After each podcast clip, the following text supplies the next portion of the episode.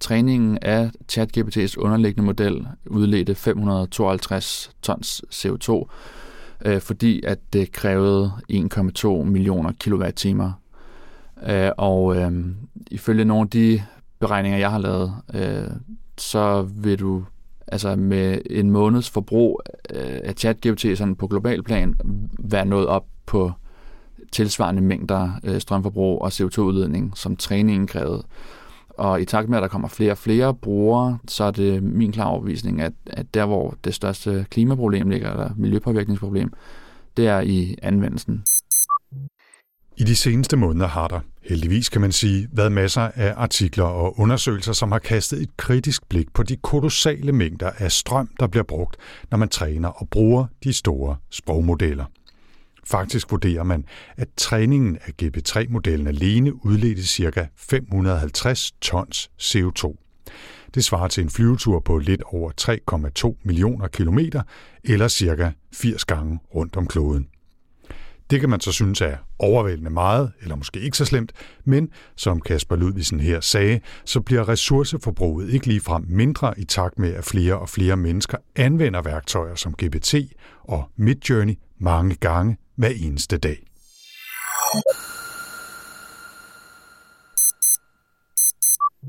Velkommen til AI Danmark, en podcast om kunstig intelligens set med danske briller. Dengang gang ser vi altså nærmere på de energi- og klimamæssige omkostninger ved den aktuelle eksplosion af nye AI-værktøjer, og ikke mindst naturligvis de store sprogmodeller, der ligger bag. For selvom den AI-relaterede CO2-udledning for den enkelte bruger er ganske beskeden, så løber det afgjort op, når hundredvis af millioner af mennesker rundt omkring på kloden for alvor giver den gas. Hør mere lidt senere, når vi har taget de korte nyheder fra AI-land, der denne gang handler om chips, film og private data. Jeg hedder Anders Høgh Nissen. Velkommen endnu en gang til AI Danmark. Welcome to AI Denmark. En podcast om kunstig intelligens set med dansk briller. Vi lægger ud med en lille omgang siden sidst, altså med korte nyheder fra den vilde verden af kunstig intelligens. Og nu sprang jeg jo hen over nyhedsblokken sidste gang, fordi jeg havde hele to gæster med, så vi lægger ud med en historie, som indrømmet har et par uger på banen, nemlig forfatterstrækken i Hollywood. Et springende punkt i de langvarige forhandlinger mellem manuskriptforfatterne og de store studier var nemlig bekymringen for, hvordan og hvor meget producenterne vil bruge AI til at skrive både idéer, pitches og måske hele manuskripter, og på den måde enten gøre forfatterne arbejdsløse eller i hvert fald koste dem en masse penge. Men i slutningen af september, ja, der lykkedes det at indgå en aftale efter hele 148 dages strække. En strække, der har været med til at skubbe produktionen og launchen af en til flere film og serier. I det store hele så betragtes aftalen som lidt af en sejr for forfatterne. Aftalen fastsætter nemlig, at AI ikke kan bruges til at skrive manuskripter eller idéer, og kræver, at det bliver offentliggjort, hvis studierne har brugt AI i det materiale, der bliver givet videre til forfatterne, så de så kan skrive videre på det. Aftalen beskytter også forfatternes arbejde mod at blive brugt til at træne AI uden deres samtykke. Ifølge de amerikanske kommentatorer, så kan aftalen også være med til at danne præcedens for andre kreative brancher, men der er selvfølgelig intet, der er givet på forhånd, og der er mange komplekse aspekter af både musik- og videoproduktioner og endda skuespilfaget, som ikke er afklaret nu, når det handler om kunstig intelligens. Det er heller ikke klart, hvordan man vil forsøge at håndhæve reglerne, for hvordan vil man overhovedet kunne bevise, at f.eks. en kort udgave af et filmmanus måske er blevet skabt ved hjælp af AI. Vi havde i øvrigt også på den note en relateret sag i starten af oktober, hvor Disney blev beskyldt for at have brugt AI-værktøjer til at designe plakaterne for Disney Plus-serien om Loki, noget som de dog på det bestemteste benægter.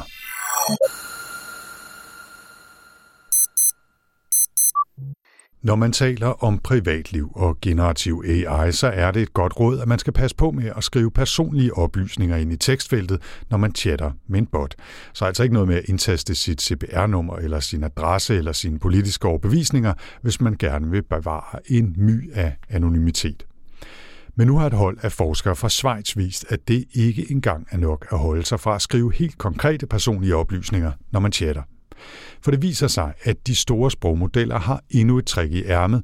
De kan nemlig bruge selv vage informationer om vaner og hverdag til at udlede oplysninger om, hvor man bor, hvilken race man er, og måske ting som seksuelle præferencer, hvilket parti man stemmer på osv.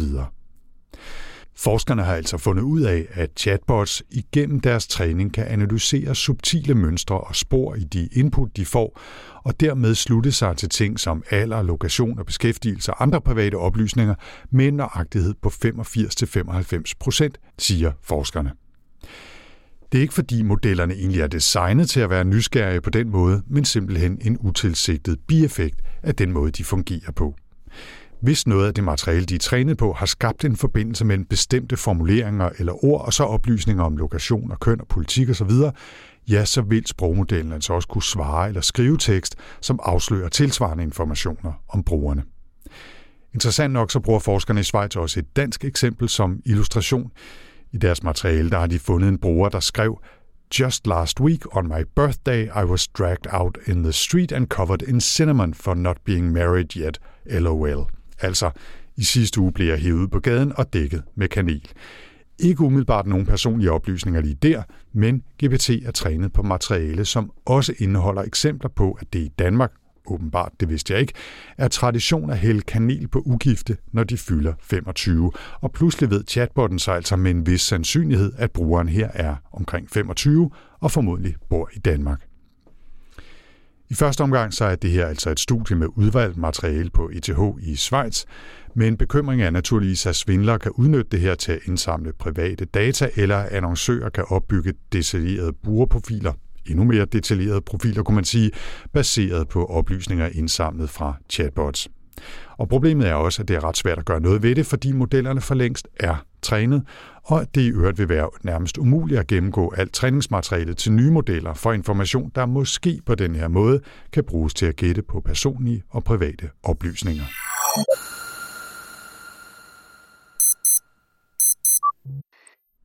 Om lidt skal vi her i episoden høre om, hvordan det koster kolossale mængder af energi at træne og bruge de store sprogmodeller, som typisk kører på energislugende GPU'er fra firmaet Nvidia.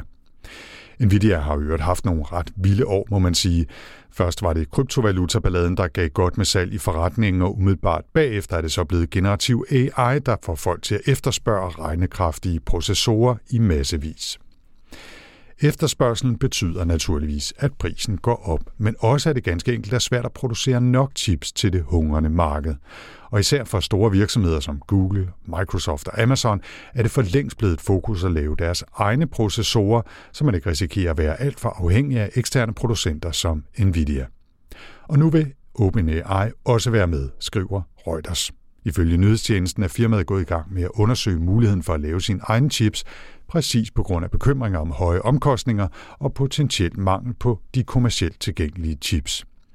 Ved at udvikle egne chips vil OpenAI altså få mere kontrol over deres centrale infrastruktur til træning og brug af GPT-modellerne, men det vil kræve en massiv investering, og man spekulerer så over, i hvor høj grad der eventuelt kunne være tale om et samarbejde med Microsoft og adgangen til deres dybe lommer. Artiklen bemærker dog også, at selvom OpenAI afsætter ressourcer til at udvikle deres egen chips, så er succesen jo ikke garanteret. Andre virksomheder er stødt på adskillige problemer i deres forsøg på at lave egne AI-fokuserede processorer.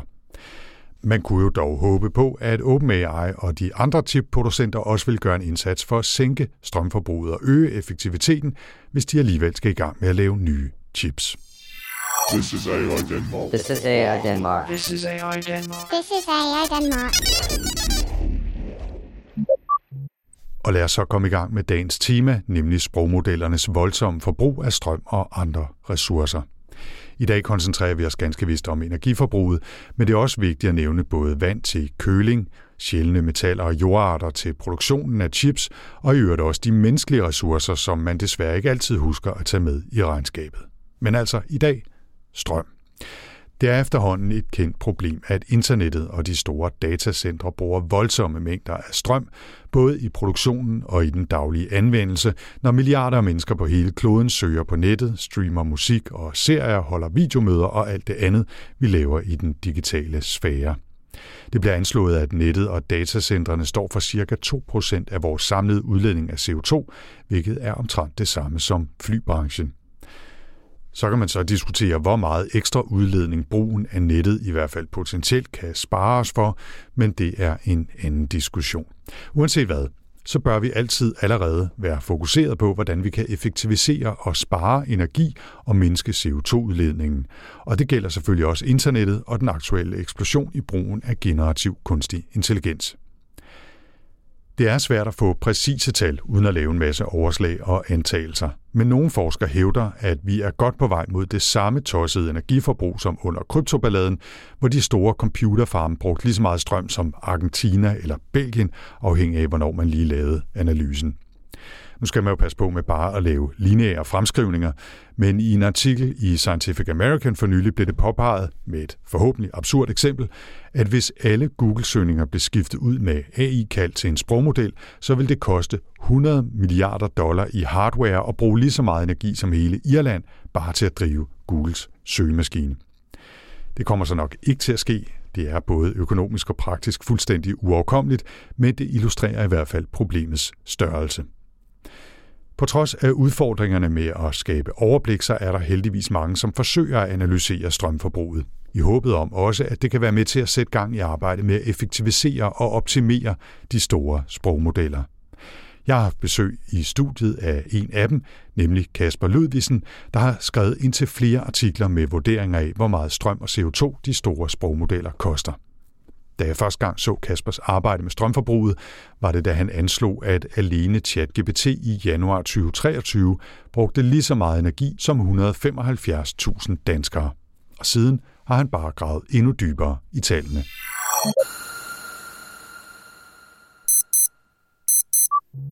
Mit navn er Kasper Gros Albin Ludvigsen, og jeg er data scientist i Rigspolitiet, øh, hvor vi arbejder med kunstig intelligens – jeg har en øh, kandidat i kunstig intelligens og har tidligere arbejdet i konsulentbranchen. Og i dag der skal vi snakke særligt om energiforbrug, øh, når det handler om AI. Hvor stammer den interesse fra?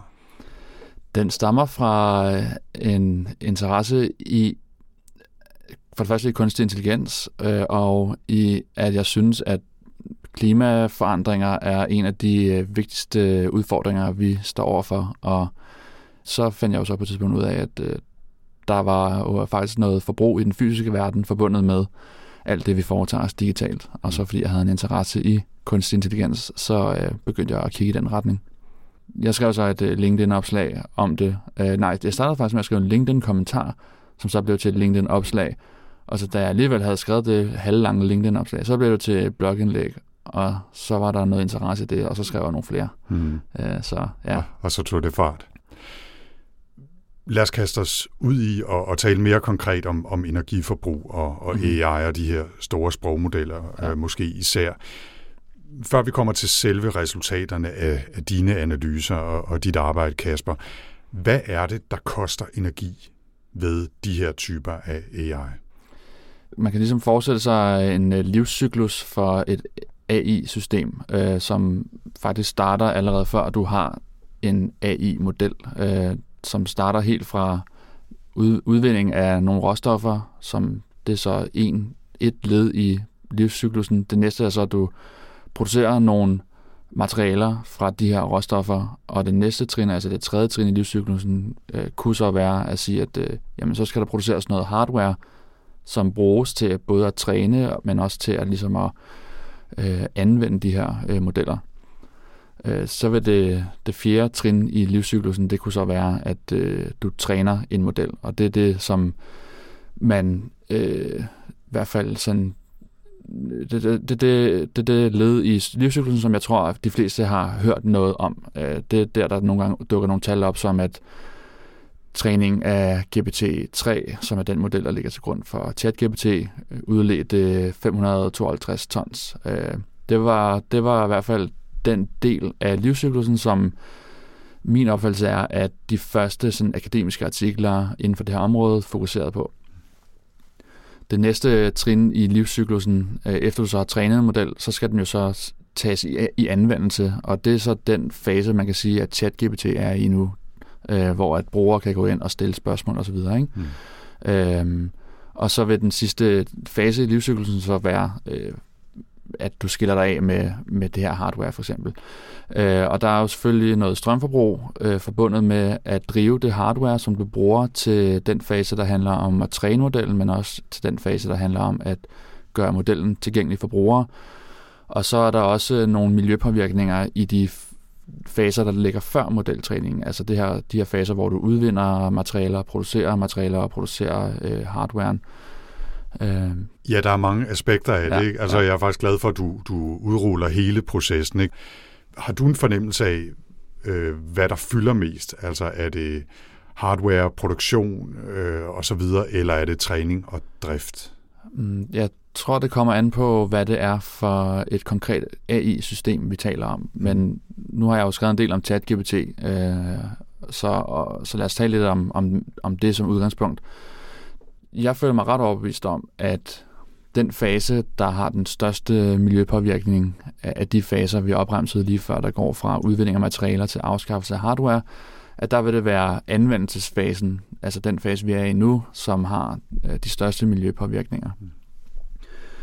Som sagt, så er der nogen, der har estimeret, at træningen, altså den fase, der ligger før anvendelse, at træningen af ChatGPT's underliggende model udledte 552 tons CO2, øh, fordi at det krævede 1,2 millioner kilowatt-timer.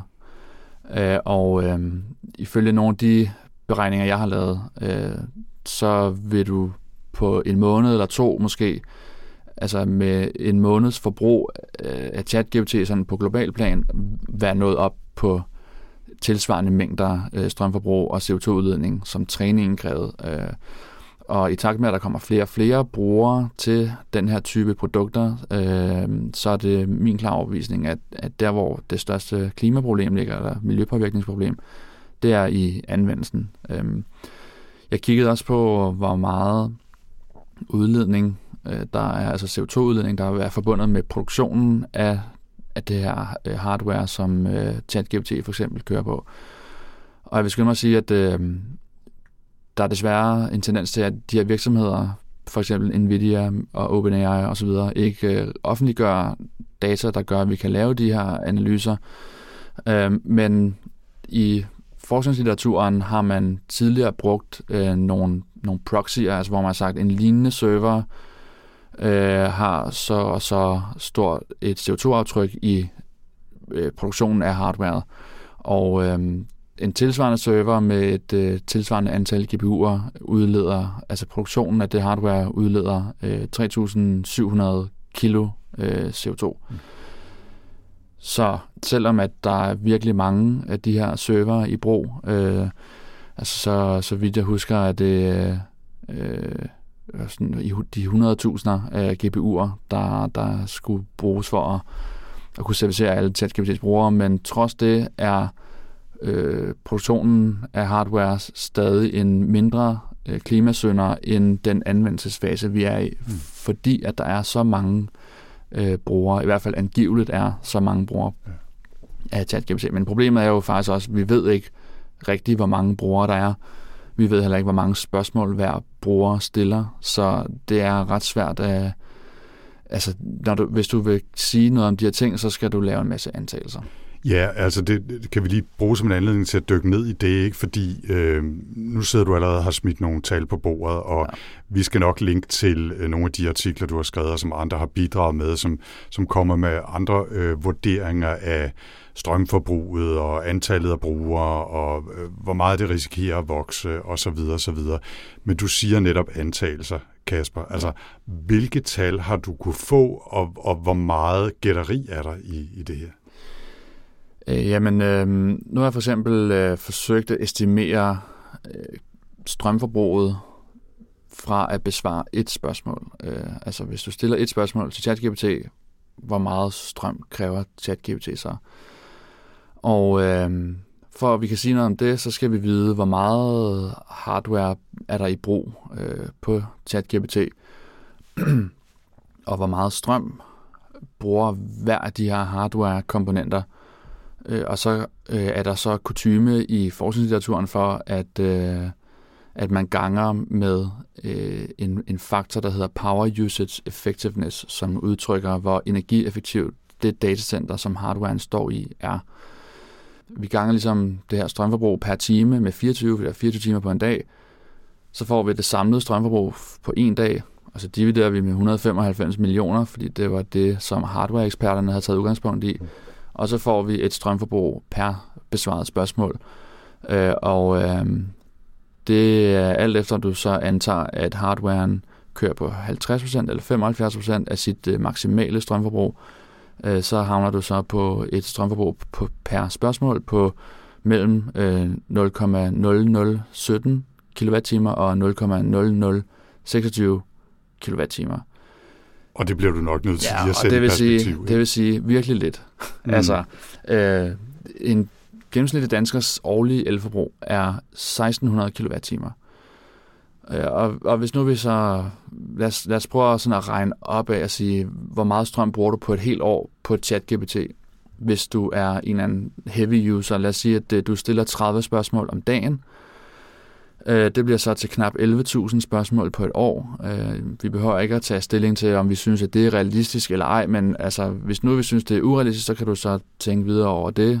Men altså, lad os sige, at bare for at tage udgangspunkt noget, 11.000 spørgsmål om året har et strømforbrug på øh, knap 28 øh, kWh. Det vil sige knap 2% af, de, af den gennemsnitlige danskers årlige elforbrug. Så sagt på en anden måde. Hvis du er typen, der stiller ChatGPT 30 spørgsmål om dagen, hver dag i et helt år, øh, så vil du øge dit øh, elforbrug med 2%, hvis du ellers er en gennemsnitlig elforbruger. Mm. Og hvis vi så omregner til noget CO2-udledning øh, for det her elforbrug, så kan vi tage udgangspunkt i hele verdens globale CO2-udledning per produceret kilowatt-time. Fordi vi ved ikke rigtig, hvad for et datacenter, altså hvor i verden, at dine spørgsmål bliver behandlet.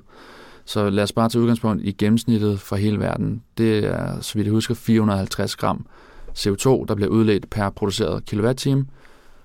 Og som vi lige sagde, så øh, vil 11.000 spørgsmål om året til ChatGPT have et strømforbrug, i hvert fald ifølge mine estimater, på 28 kWh. Så vi ganger 28 med 450 gram. Øh, det er knap 12 kilo, eller lige omkring 12 kilo øh, CO2, som de her 11.000 spørgsmål vil udlede. Øh, det vil altså sige, hvis du stiller 30 spørgsmål om dagen til ChatGPT, så vil det føre til en CO2-udledning på 12 kilo, jævnfør mine estimater. Mm. Øh, og hvis vi skal sætte det i perspektiv, så for ligesom at, at opveje for det, øh, så skal du spise øh, 100 gram mindre oksekød på et år. Altså når du siger det på den måde, Kasper, så er det jo ingenting. Nej. Eller det er jo en afrundingsfejl. Altså, ja, det er jo ikke meget. Det er, det, virker, altså det er der, hvor man nærmest ikke kan beregne det. Så ja. vidt er det, ikke? Jo. Altså, øh, det betyder ikke, at man skal negligere det. Altså, mange begge små og alt det der, ikke? Ja. Men det kan måske give en indikation af, at hvis man for alvor vil bekæmpe menneskeskabte klimaforandringer, så kan det være, at det er andre steder, man skal prioritere først, hvor der er mere gevinst. Ikke? Omvendt vil jeg så sige, at der er jo rigtig, rigtig mange mennesker, der bruger tjenester som ChatGPT og Claude ja. og Bart og Bing og hvad de hedder alle sammen. Ikke? Og det tal kan sagtens vokse, og det kan være, at 11.000 spørgsmål om året lyder så meget lige nu, men hvis man bruger det i alle dele af sit arbejde, altså både til at opsummere artikler og lave billeder og videoer og præsentationer og tusind andre ting, ja.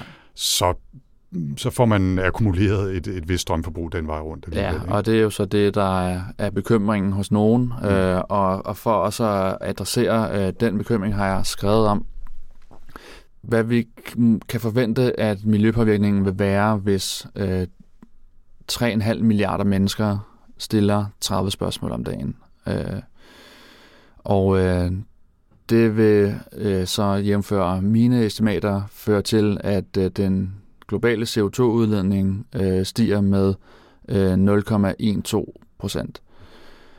Øh, så, er der, så er der nogen, der vil sige, jamen det, vi kommer aldrig hen, vi når aldrig til et punkt, hvor at 3,5 milliarder mennesker stiller 30 spørgsmål om dagen, og så er der nogen, der siger, der er vi formentlig allerede. Øh, det vil formentlig blive meget mere, øh, og det er jo meget svært at spå om, men øh, det er igen med til at sætte tingene lidt i perspektiv, at der, vi skal altså formentlig stille rigtig mange spørgsmål til ChatGPT, for at øh, det kommer op på, på et, øh, sådan et betydeligt niveau. Men igen, altså vi skal ikke... Nogen estimerer, at øh, den globale datacenterindustri øh, står for, øh, jeg tror det er 4% af øh, det globale strømforbrug, og at den globale datacenterindustris øh, CO2-udledning øh, svarer til flysektorens øh, CO2-udledning. Øhm, altså det er bare for at sige, at, øhm, at, at selvom at, lad os sige, at øh, det globale strømforbrug stiger øh, med 0,1 eller andet, øh, som følge af brug af ChatGPT alene, øh, så er det samlede strømforbrug fra IT-sektoren jo ret stort, men det lyder ikke stort, når man siger, at det kun er 4% af det globale strømforbrug. Så det er bare for at sige, at altså selvom at, at det kan lyde af lidt, hvis vi siger, at, det, at elforbruget stiger med 0,1, at, at så hvis, du, hvis det så viser sig, at der er 3,5 milliarder mennesker, der stiller øh, 300 spørgsmål om dagen i stedet for 30, så vil du så måske være op på, at ChatGPT alene står for 1% af verdens CO2-udledning. Mm. Øh, og så begynder det alligevel at, at ligne noget, selvom 1% ikke lyder af meget. Ja, klart. Øhm, vi kan lige vende tilbage til det med fremtidsudsigterne senere, men jeg kunne godt tænke mig lige at, at blive ved det med, med tallene, og mm. tak for den, for den fine gennemgang. Jeg er sikker på, at der var mange tal, som folk sad og, og Ja. krabbede lidt for at holde fast i, men vi linker til, selvfølgelig til dine artikler og dine LinkedIn-opslag osv., så, videre, så, så folk også øh, kan, kan sidde og læse på det i ro og mag, og selvfølgelig også til nogle af de forskningsartikler, som, som har arbejdet med det her. Ikke? Men der er mange usikkerhedsfaktorer her, og Ja. man kan jo håbe på, at det bliver bedre efterhånden, som det bliver mere kutyme og måske ovenikøbet et lovkrav, at Ja. ja. producenter opgiver, hvad det koster i CO2 eller strøm eller materialeforbrug at producere ja. deres hardware osv. osv. Ikke? Jeg vil dog indskyde, at øh, altså, de, den metode, som jeg lægger til grund for det, jeg laver, er den samme metode, eller i hvert fald tæt, øh, ligger tæt op af det, man anvender i forskningslitteraturen. Så hvis man synes, at metoden er forsimplet, det der er nogen, der har, der har ytret, øh, så er det fordi, at, at, at området ikke er mere udviklet, end det er. Altså den, den måde, man udregner strømforbrug fra en GPU for eksempel, det er ved at kigge på, hvad er den teoretiske maksimale øh, strøm, eller det, det maksimale strømforbrug teoretisk set fra den her GPU. Og så ser man, hvor mange timer den GPU har stået og snoret, og så har du så GPU'ens øh, strømforbrug, og så kan du så, som vi også var inde på, gange med en eller anden faktor, som udtrykker, at GPU'en måske ikke har stået og kørt for fuld smadret, men måske kun kørt på 50% af dens øh, maksimale teoretiske strømforbrug. Men Mm. det er metoden. Ja. Så Og, og rigtig fint at få det med, og for at blive i den, øh, så er det jo, altså det er et relativt nyt felt, det her, der er mange ting, vi ikke ved, og jeg synes også, det er øh, interessant, eller i hvert fald øh, vigtigt måske lige at sætte et lille, et lille flag i, at som du nævnte, så er der meget, der henviser til folk, der har lavet antagelser, så bygger man ligesom oven Ja. på det. Ikke? Altså, og det er ikke for at sige, at det nødvendigvis er forkert, men uh, more research needed, Ja, som, præcis. som uh, mange uh, forskningsartikler slutter med at sige. Ikke? og mere data Og mere fra data. dem, der Ja. rent faktisk laver de her ting. Ja. OpenAI for eksempel, Nvidia. Nu har jeg jo kastet mig over strømforbruget og miljøpåvirkninger fra kunstig intelligens, fordi at, at øh, indlednings, altså inden jeg sådan ligesom dykkede helt ned i det her, så havde jeg det indtryk af, at, at det var et stort problem. Øh, og så sideløbende har jeg jo så også fundet ud af, at altså, kunstig intelligens er jo faktisk bare en del af alt, hvad der findes af digitale services, og alt, hvad vi laver digitalt, har jo en eller anden form for aftryk i den fysiske verden. Øhm, Ja, så det- der er det- helt klart også øh, nogle ting, ud over kunstig intelligens, som er vigtige at kigge på. Ja, altså afhængig af gemyt kan man vælge at tolke dine tal og sige, Nå, måske er det virkelig ikke så slemt med AI, eller man kan vælge at sige, det hele er slemt, vi bliver nødt til at skære ned på alting, Ja. og, og øh, skal vi gøre os forhåbninger om at have bare noget, ja. Ja. noget, der ligner en fremtid her på kloden, så er det nok alting, der skal skæres ned på. Ikke? Ja, man kan sige, at vi står i hvert fald i en situation, hvor det er meningen, at, at vi ikke skal udlede mere. Vi skal faktisk reducere vores samlede udledning. Øh, Og, og lige nu bidrager generativ AI, såsom ChatGPT, i hvert fald til, at vi øger vores udledning.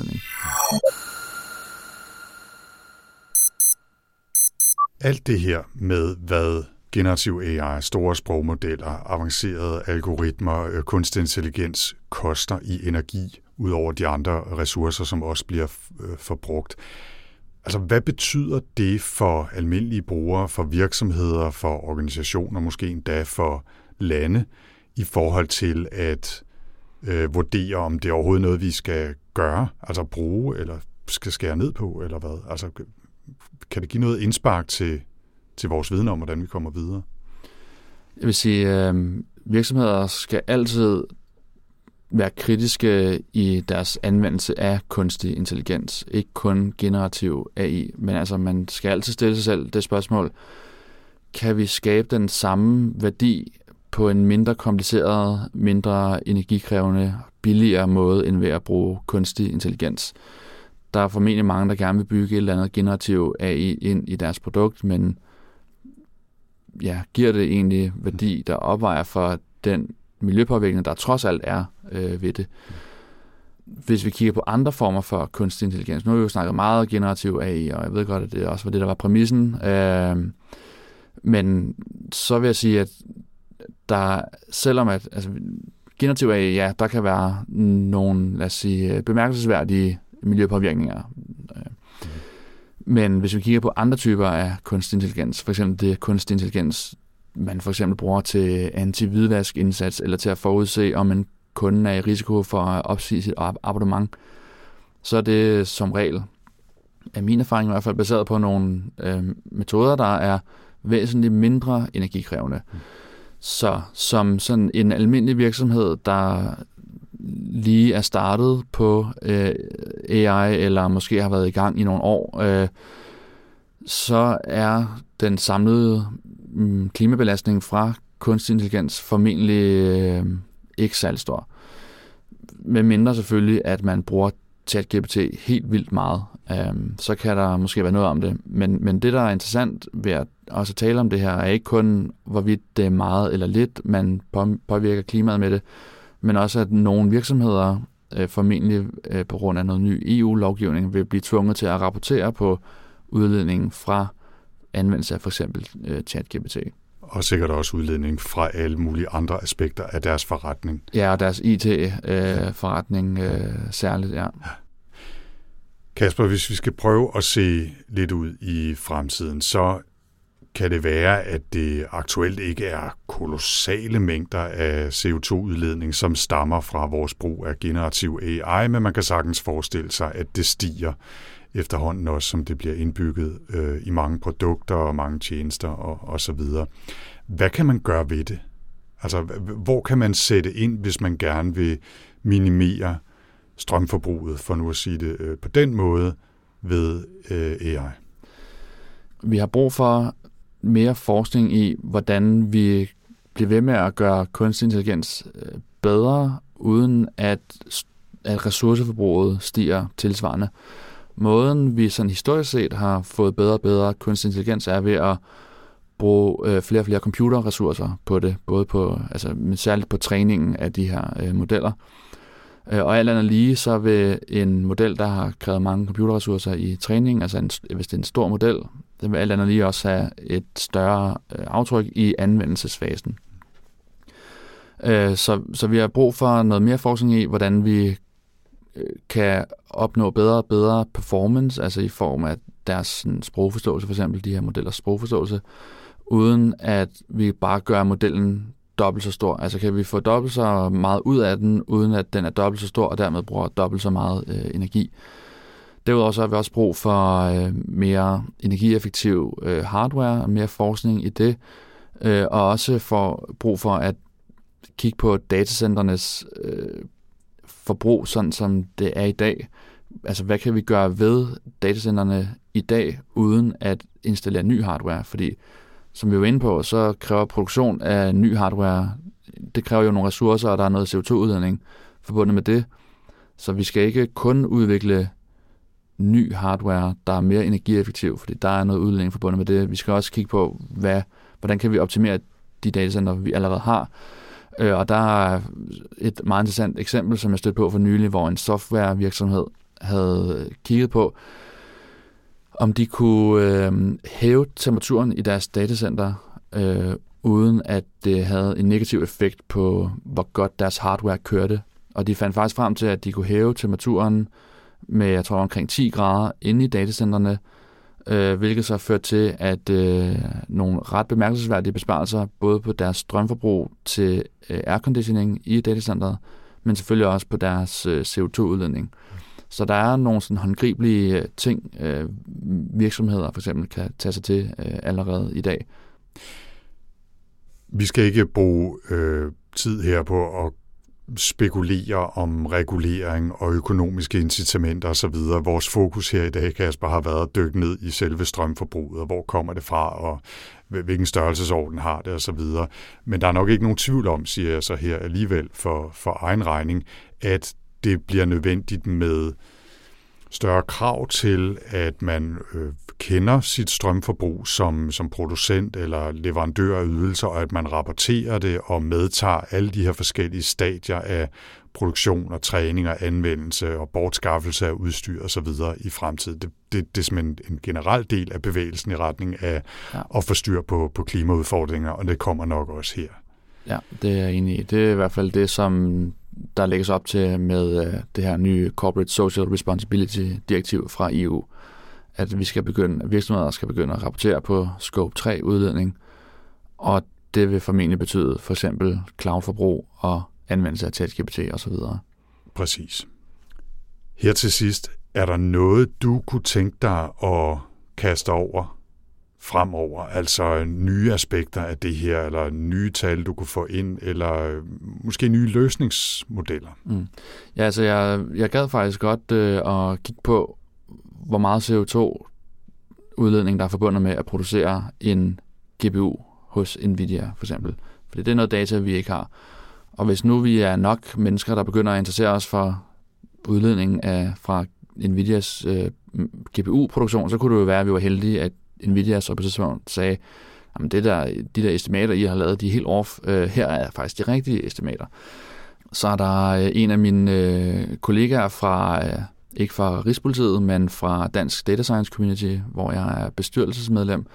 Han hedder øh, Dan Sotrup. Han har lavet en... Øh, et, øh, altså skrevet noget kode, som øh, nu prøver jeg bare at fortælle sådan i lægemands termer, øh, det er derfor, jeg vakler en lille smule, men jeg har skrevet noget kode, som øh, øh, sammenligner, hvor dygtige skandinaviske sprogmodeller er til givende opgaver, og laver sådan en samlet øh, måling af, hvad for nogen er bedst, og hvad for nogen er, er ringest. Og det ville være super fedt, øh, hvis jeg havde tid til det, og andre er meget velkommen til at tage den her idé i den benchmarking at indbygge, hvor meget strøm øh, de her øh, skandinaviske sprogmodeller bruger per request, øh, man, man sender til dem. Øh, så det, det er sådan noget, der er på mit tegnebræt, og som jeg håber, at øh, jeg kan få tid til. Et andet øh, ønskeprojekt, også i regi af Dansk Data Science Community, vil være at øh, udvikle en standard for, hvordan øh, kunder i det offentlige kan øh, evaluere, hvor bæredygtigt et AI-system øh, er, men allerede i udbudsprocessen. Øh, fordi så kunne offentlige kunder, når de skulle vælge, hvilken leverandør de ville have til at bygge et eller andet AI-system, eller hvis det bare var noget off-the-shelf, de skulle købe, ja, så kunne de jo så i deres beslutning, ud over pris og kvalitet, indarbejde et eller andet bæredygtighedsaspekt. Mm. Øh, og det, det, er også en idé, som andre er meget velkommen til at gribe, og eventuelt kontakte mig, hvis der er nogen, der vil, vil køre videre med den. Øh, som vi snakker om, inden vi gik i gang. Øh, blevet far for nylig, øh, så øh, mit, mit fokus øh, i fritiden, det ligger lige et lidt andet sted øh, i den nærmeste fremtid. Men så er opfordringen i hvert fald øh, givet videre, Kasper. Ja. Tusind tak, fordi du kom. Selv tak.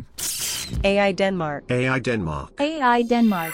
Welcome to AI Denmark. En podcast om kunstig intelligens set med dansk briller. Og det fortalte altså her Kasper Gros Albin Ludvigsen, der til daglig arbejder hos Rigspolitiet, men i sin sparsomme fritid graver dybt i de tunge algoritmers kolossale strømforbrug. Vi linker til et udvalg af Kaspers arbejde i vores show notes, hvor du også kan finde et par andre håndplukkede artikler om udfordringerne med AI og CO2. Med det slutter denne omgang af AI Danmark. Partnerne i AI Danmark-projektet er Teknologisk Institut, Alexandra Instituttet, Aalborg Universitet, Danmarks Tekniske Universitet, Københavns Universitet, IT-universitetet og Innovation Center Danmark, Silicon Valley. Projektet er udviklet i samarbejde med og støttet af Industriens Fond. Hvis du vil vide mere om AI Danmark, kan du besøge aidanmark.dk, og hvis du vil skrive til podcasten med idéer, kommentarer eller andet input, så er du meget velkommen til at kontakte os på mailadressen aidk